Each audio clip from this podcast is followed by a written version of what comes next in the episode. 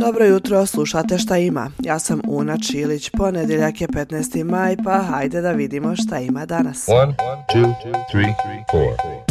Federalni hidrometeorološki zavod BiH izdao je naranđasto upozorenje za područje Hercegovine danas zbog obilnih padavina. Upozoravaju da su moguće poplave imovine i saobraćajnih mreža, poremećaj u nadbjevanju električnom energijom, vodom te u komunikacijama. Prognoziraju se i teški uslovi za vožnju usjed smanjene vidljivosti i nekontrolisanog kretanja vozila zbog vode. A danas u Kopenhagenu počinje šesti po redu samit demokratije. Kako navode organizatori, tokom prošle godine došlo je do pojačanja borbe između slobode i autokratije. Počevši od ruske invazije na Ukrajinu, odnosa Kine prema Tajvanu, širom svijeta autokratski lideri su nastavili sa suzbijanjem protesta i neslaganja.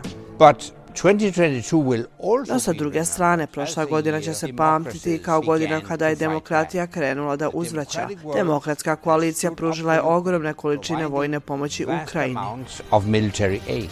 rekao je osnivač demokratskog samita Andres Fogh Rasmussen.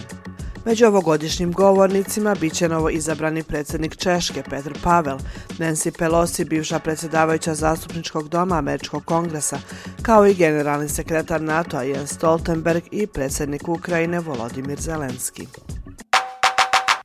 A danas se širom svijeta obilježava Međunarodni dan porodica.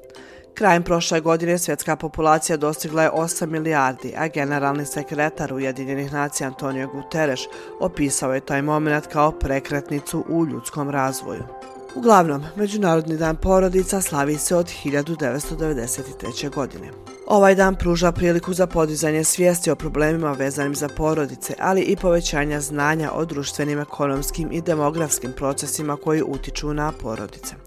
Povodom današnjeg dana, produkcija Forum Teatar i CTC Grupa zajednice koje brinu Istočno Sarajevo održat će u vrtiću Mašin svijet edukaciju pod motom Sada je red na tate.